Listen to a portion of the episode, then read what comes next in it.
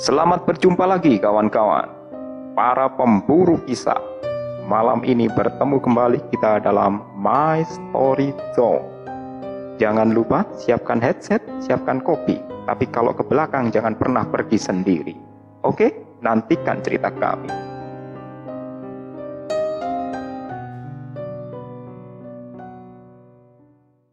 Halo sobat pemburu kisah, Assalamualaikum warahmatullahi wabarakatuh.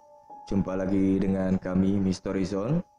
Di sebelah saya Kang Surya Dan di sebelah saya, Pak Cek. Oke. Eh, Kang Surya, Iya, gimana Pak Cek? hari ini kita ada kiriman cerita lagi. Iya, kemarin baru lihat di apa HP ini kok kayaknya ceritanya bagus. Terus oke lah, kita coba ceritakan ulang ya. Iya, bersedia beliaunya. Gimana Pak Cek? Menurut Pak Cek nih? Ya, ini Mbak Sisi ya yang ngirim cerita. Heeh. Mbak Sisi ini punya cerita dan mau berbagi dengan Mystery Zone. Dan kami tim Mystery Zone sudah siap dengan ceritanya Mbak Sisi dan mungkin akan disajikan dengan gaya dan karakter Mystery Zone oleh Kang Surya. Oke.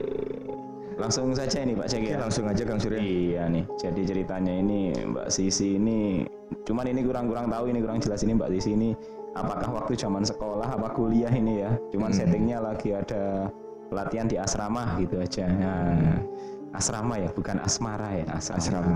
Oke, asrama putri ini Pak Cek. Nah, Asrama Putri. Oke, langsung cerita aja ya Pak Cek ya. Hmm. Jadi ini pada suatu waktu Mbak Sisi ini mungkin ada kegiatan yang mengharuskan apa ya pelatihan untuk tinggal di asrama selama beberapa waktu. Ya mungkin entah berapa minggu atau berapa hari kurang kurang tahu juga kita ini belum sempat komunikasi. Nah beliaunya ini cuman bercerita di kurun waktu yang tinggal di asrama itu apa ya ada suatu kisah yang horor dan sangat apa menakutkan dan traumatis bagi dirinya. Nah, jadi cerita itu bermula ketika Mbak Sisi dan beberapa teman-temannya ini ada acara pelatihan. Jadi mungkin karena asrama itu ya apa eh, tidak setiap hari ditinggali, jadi mungkin sebulan atau dua bulan atau apa karena tergantung pelatihannya jadi mereka harus stay di sana selama beberapa waktu itu Hmm. Nah di awal-awal mereka stay sebenarnya ya apa ya tidak tidak terlalu banyak gangguan yang terjadi sih. Mungkin ya hanya sekedar katanya lampu padam sendiri atau apa terus kemudian pintu yang tiba-tiba terkunci sendiri. Mungkin bagi mereka itu adalah sesuatu yang wajar ya lagi pula ini asramanya kan dua lantai berbatasan dengan salah satu perkampungan gitu di area belakangnya. Jadi tempat sekolah atau mungkin itu kampus itu berbatasan dengan eh, perumahan warga. Nah jadi ini Mbak Sisi dan teman-teman ini di hari-hari pertama ya ada gangguan-gangguan yang kecil seperti itulah. Jadi tidak terlalu tidak terlalu apa ya tidak terlalu Dihiraukan. membebani pikiran ya tidak dihiraukan cuman memang ya sudah paham oh berarti di sini itu ada yang usil. Entah itu usil orangnya atau mungkin teman-teman seasrama sendiri. Jadi wajar lah biasanya kalau apa ya remaja seusia mereka kan mungkin mengusili teman sendiri. Hmm. nah, atau mungkin juga ada ya anak-anak iseng dari perbatasan kampung sebelah dengan asrama itu yang iseng. Jadi mereka ya bodoh amat lah. Yang penting mereka fokus pada kegiatan mereka selama pelatihan yang ada. Nah pada waktu itu memang apa ya Mbak Sisi dan teman-temannya itu cukup banyak lah. Jadi mungkin puluhan atau bahkan hampir seratusan orang itu ya punya kelompok sendiri-sendiri. Kebetulan Mbak Sisi ini di lantai dua ini katanya. Nah komunikasi mereka itu ya biasanya sepulang pelatihan ya menginap di asrama dan berkegiatan. Atau paginya sarapan di asrama juga sama seperti kegiatan normalnya mereka tinggal di asrama gitu. Dan syukur-syukur mereka juga bisa komunikasi dengan apa ya Pak Satpamnya lah. Istilahnya penjaga asramanya juga komunikasinya baik. Jadi kadang-kadang ada gangguan atau apa ya mereka sering kali kontak dan mengganggu apa ya bapak-bapak petugas jaga ini namun masih bisa dibantu lah bisa ditindaklanjuti jadi walaupun ada gangguan-gangguan mati lampu terus apa uh, trouble di pintu bagi mereka ya langsung kontak security atau penjaga asrama atau pak satpamnya ya langsung bisa teratasi nah hmm.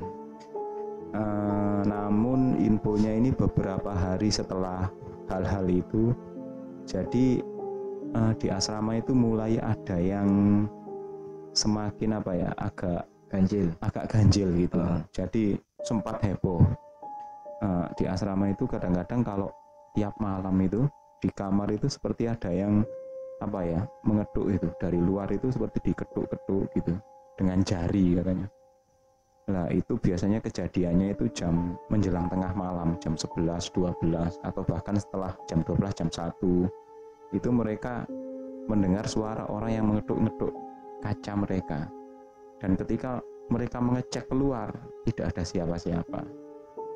Nah akhirnya mereka berpikir ehm, kejadian ini kan sering di posisi yang berbatasan dengan kebun ya kebun yang berbatasan dengan kampung sebelah.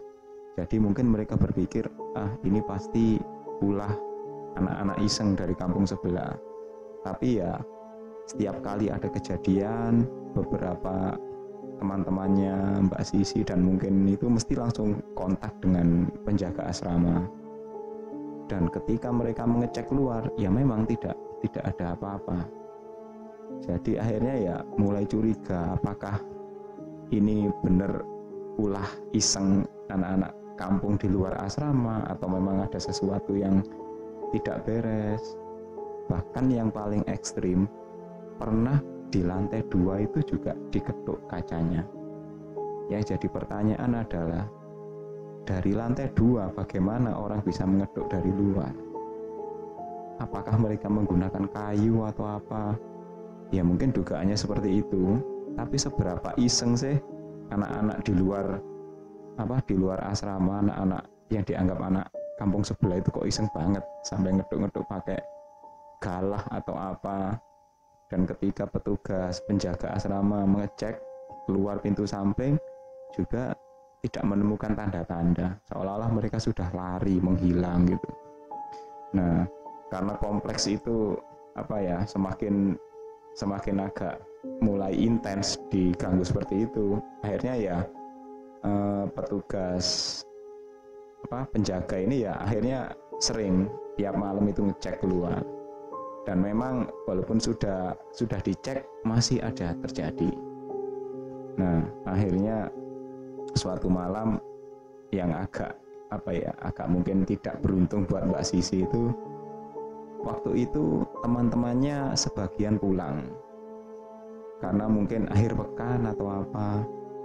Nah, Mbak Sisi ini kebetulan besoknya itu ada kegiatan yang memang khusus untuk dia dan mungkin beberapa apa ya beberapa grup di kelompok kamar lain. Jadi dia itu tidak ikut pulang bersama sebagian kecil teman-temannya yang ikut pelatihan karena besoknya ada kegiatan lagi. Nah akhirnya karena apa kondisi seperti itu Mbak Sisi ini sempat ber, apa ya berpikiran sendirian di kamar. Kemudian di kamar lain pun mungkin teman-temannya juga pada pulang hanya menyisakan beberapa orang. Sebagian kecil. Alamat ini mesti sepi nih karena biasanya di akhir pekan biasanya mereka pulang rata-rata mereka pulang semua bareng-bareng. Karena besok ini masih ada yang harus apa ya kegiatan yang memang tertentu saja entah mungkin itu ketua regu atau apa. Jadi ya mewajibkan mereka harus tetap di sana.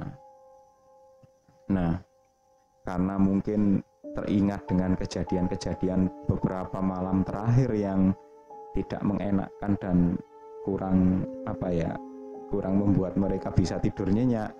Akhirnya Mbak Sisi pun waktu itu berinisiatif.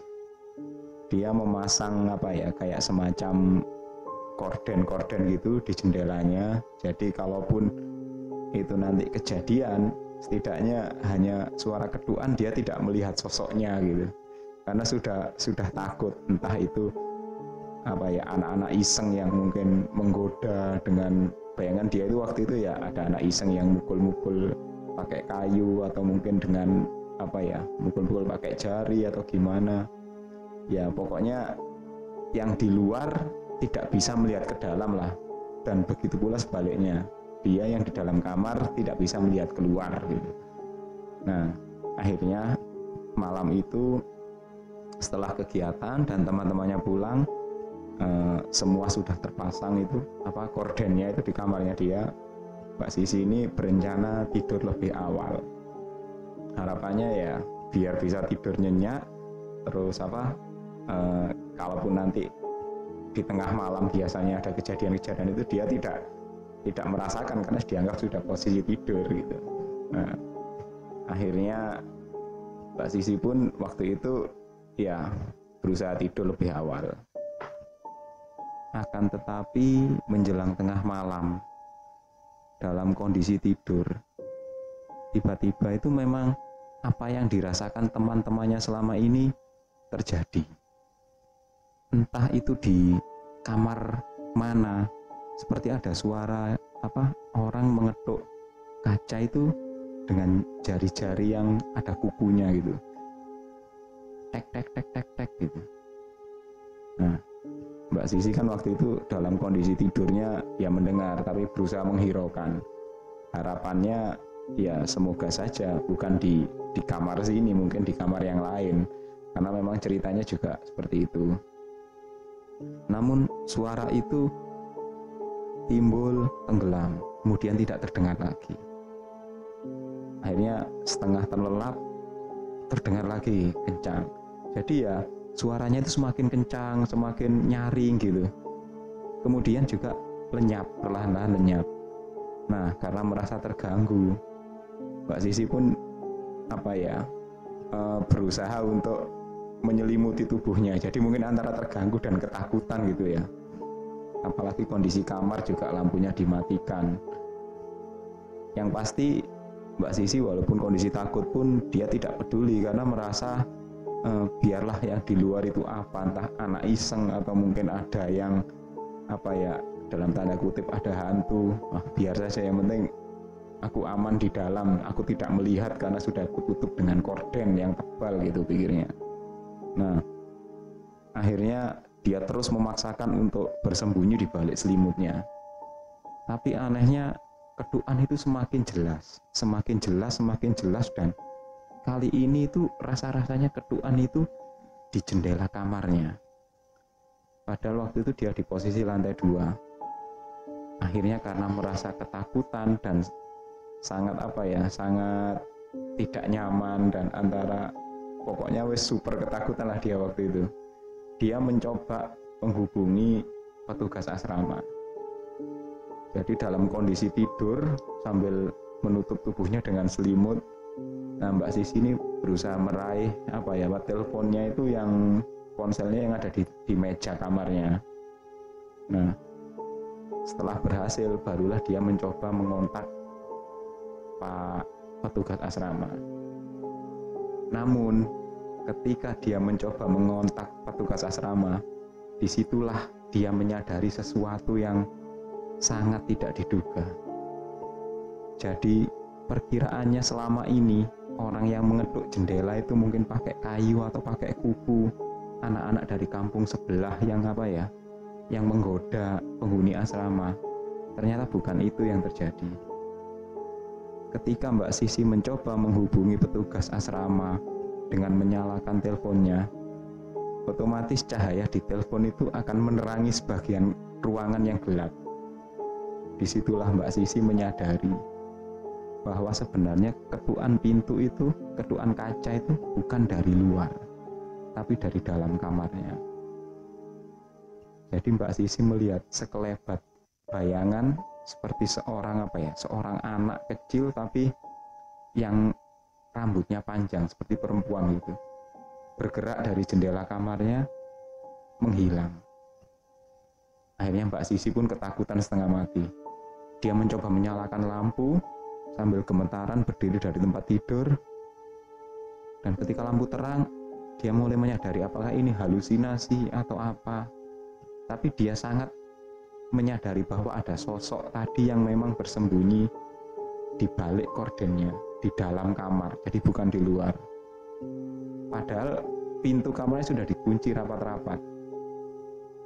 Nah akhirnya dalam kondisi yang masih tetap ketakutan Mbak Sisi pun menelpon petugas asrama. Tapi ya seperti itulah di telepon ya bapaknya ya merasa nanti saya periksa mbak. Saya periksa aja. Nah, Pak petugas asrama pun memeriksa. Namun ya sepertinya tidak menemukan apa-apa. Jadi ya akhirnya Mbak Sisi dalam kondisi ketakutan di dalam kamar itu sambil berusaha menelpon ketika Pak Pak petugasnya melihat ke samping dia sambil mengucap di telepon juga tidak ada apa-apa. Nah ketika Mbak Sisi apa petugas asrama itu memeriksa Mbak Sisi mengatakan bahwa bukan dari luar Pak. Ini dari dalam kamar. Betapa kagetnya apa ya Pak Satpam atau petugas penjaga asrama ketika mendengar dari telepon bahwa sosok yang selama ini meneror para penghuni asrama itu ternyata berada di dalam kamarnya Mbak Sisi. Nah akhirnya dengan berusaha menyuruh untuk mempertahankan teleponnya jangan dimatikan mbak. Saya mau ke sana. Nah mbak Sisi pun akhirnya hanya meringkuk di sudut kamar. Jadi dia berusaha menjauhi posisi jendela di mana tadi dia terakhir melihat sosok bayangan hitam itu. Nah karena ada apa ya eh, perintah dari Pak petugas bahwa saya akan ke sana maka Mbak Sisi pun pikirannya hanya satu membuka pintu supaya Pak petugas bisa masuk dan dia bisa keluar. Nah, sambil menunggu seolah-olah ini Pak petugas kok lama sekali, hanya naik ke lantai dua saja kok sepertinya lama. Nah, Mbak Zizi pun akhirnya berinisiatif, ya mungkin ketika Bapak itu masuk dia sudah apa ya, eh, mungkin dalam hal ini memakai pakaian yang benar lah, kan tadi masih pakai pakaian tidur gitu.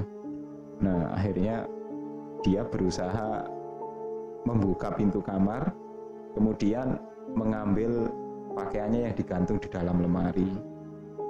Nah, ketika dia membuka pintu lemari dalam kondisi lampu yang sudah menyala, saat itu untuk kedua kalinya Mbak Sisi ini melihat bayangan itu duduk meringkuk di sudut lemari. Jadi seperti anak kecil tapi yang rambutnya panjang, tubuhnya itu seperti hitam semua, bayangan semua. Tidak ada wajahnya itu, tidak ada ekspresi sama sekali. Seolah-olah apa ya, anak yang memang diam seperti boneka gitu, tapi mukanya hitam dan seluruh tubuhnya hitam. Betapa takutnya Mbak Sisi ternyata bayangan itu bersembunyi di situ. Dan dia hanya melihat bayangan berkelebat dan sosok yang di dalam itu tiba-tiba lenyap seperti menembus jendela. Dan saat itulah Pak petugas itu datang. Sambil melihat Mbak Sisi yang hanya terdiam di depan pintu lemari yang terbuka, ya mereka pun langsung apa ya dalam hal ini menenangkan Mbak Sisi, kemudian diajaknya keluar. Petugas itu memeriksa di dalam dan seperti yang diduga mereka tidak menemukan apa-apa. Nah, jadi apakah itu memang selama ini sosok yang menghuni asrama di sana hanya sekedar iseng? Atau mungkin berniat menakuti atau hanya berniat untuk menunjukkan eksistensinya? Itu pun masih belum terjawab. Akhirnya Mbak Sisi pun ya harus menikmati sisa waktunya di asrama pelatihan itu dalam kondisi yang tiap malam tegang. Dan ketika nanti teman-temannya ada jadwal weekend pulang dia lebih memilih pulang termasuk teman-teman sekamarnya katanya begitu. Jadi itu kisahnya itu Pak Jack penghuni asrama. Iya. Nggak nyangka ya Mbak Sisi